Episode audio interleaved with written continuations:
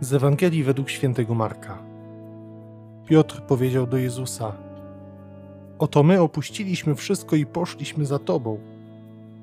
Jezus odpowiedział: Zaprawdę powiadam Wam, nikt nie opuszcza domu, braci, sióstr, matki, ojca, dzieci lub pól z powodu mnie i z powodu Ewangelii, żeby nie otrzymał stokroć więcej teraz, w tym czasie, domów, braci, sióstr, matek, dzieci i pól wśród prześladowań, a życia wiecznego w czasie przyszłym. Lecz wielu pierwszych będzie ostatnimi, a ostatnich pierwszymi. Szczęść Boże, kochani, witajcie serdecznie. Dzisiaj wreszcie wracamy po bardzo długim czasie do czytań okresu zwykłego. Skończył się najpierw Wielki Post, potem okres wielkanocny. Wreszcie w liturgii z powrotem widzimy kolor zielony i też wracamy do takiego regularnego czytania Ewangelii. W tym roku akurat wypada, że w sposób taki szczególny pochylamy się nad Ewangelią według świętego Marka. I dzisiaj słyszymy taką sytuację, kiedy Piotr przychodzi do Jezusa i mówi: Oto my opuściliśmy wszystko i poszliśmy za Tobą. I Jezus odpowiada tak, jakby przeczuwał, że Piotr w jakiś sposób oczekuje rekompensaty za to, co stracił, co zostawił. Jezus miał wgląd w serce Piotra. Być może właśnie dlatego w taki sposób mówi i na to zwraca uwagę. Możemy się oburzać na Piotra. Jak on tak mógł pomyśleć? Ale czy my czasem nie myślimy podobnie? Ile razy jest tak, że kiedy o coś tak bardzo usilnie prosimy Pana Boga, kiedy nawet być może podejmujemy jakieś wyrzeczenia w tej intencji, a ta prośba nie jest wysłuchana, to czy nie ma w nas jakiegoś żalu do Pana Boga, nie rodzi się jakaś frustracja, że oto tyle nas to kosztowało i nie dało żadnego skutku ani rezultatu? Jezus wyraźnie dzisiaj mówi, że nikt nie rezygnuje tego, co w życiu ma z jego powodu i z powodu Ewangelii, żeby nie otrzymać stokroć więcej. I zobaczcie, że my w takich sytuacjach właśnie zatrzymujemy się na tym, co jest najmniej ważne, bo zatrzymujemy się na cenie sukcesu, a nie na samym sukcesie. Zobaczcie, jak często łapiemy się właśnie na takim myśleniu, że co ja z tego będę miał? Że tyle przecież ofiarowałem, tyle mnie to kosztowało i nic. Że tak patrzymy troszkę na Pana Boga w takim kluczu coś za coś. A przecież modlitwa czy post, które podejmujemy, czy jakiekolwiek inne wyrzeczenia, przecież one nie są kartą przetargową, one nie są walutą wymienną.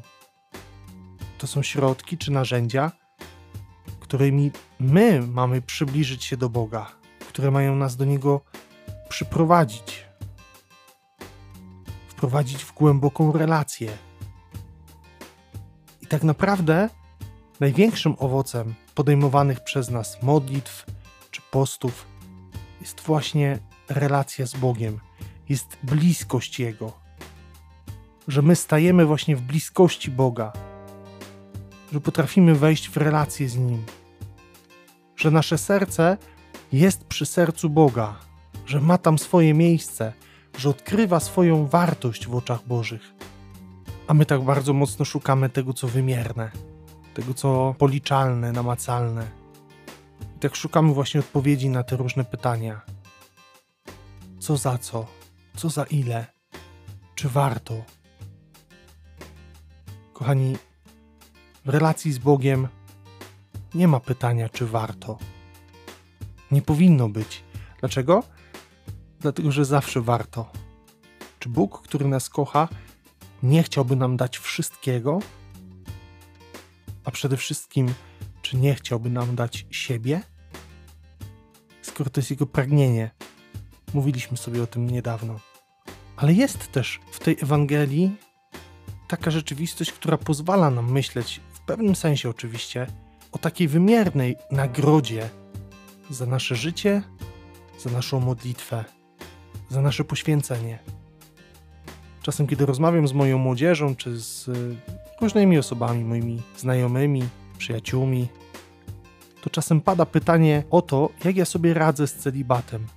Nie w tym sensie takim wymiaru czystości czy seksualności, ale w wymiarze chociażby samotności. Ale muszę Wam przyznać się szczerze, że te słowa Jezusa, one się realizują w moim życiu. W tym sensie, że nie mając swojego domu, żyjąc tak naprawdę w mieszkaniu służbowym, nie mając swojej rodziny, zyskuję wiele domów i wiele rodzin, w których traktują mnie jak rodzinę, jak najbliższego, jak kogoś, kto jest dla nich ważny, że oddają mi swoje domy, abym mógł czuć się tam dobrze. Ale domy nie tylko w sensie tym zewnętrznym, budynku, ale przede wszystkim w sensie relacji. I taki jest właśnie nasz Bóg.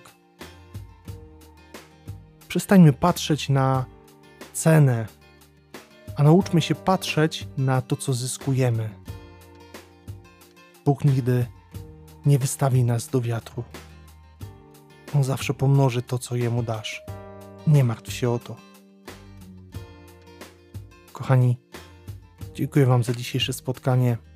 Błogosławię Wam z serca. Życzę dobrego dnia i do usłyszenia jutro. Z Panem Bogiem.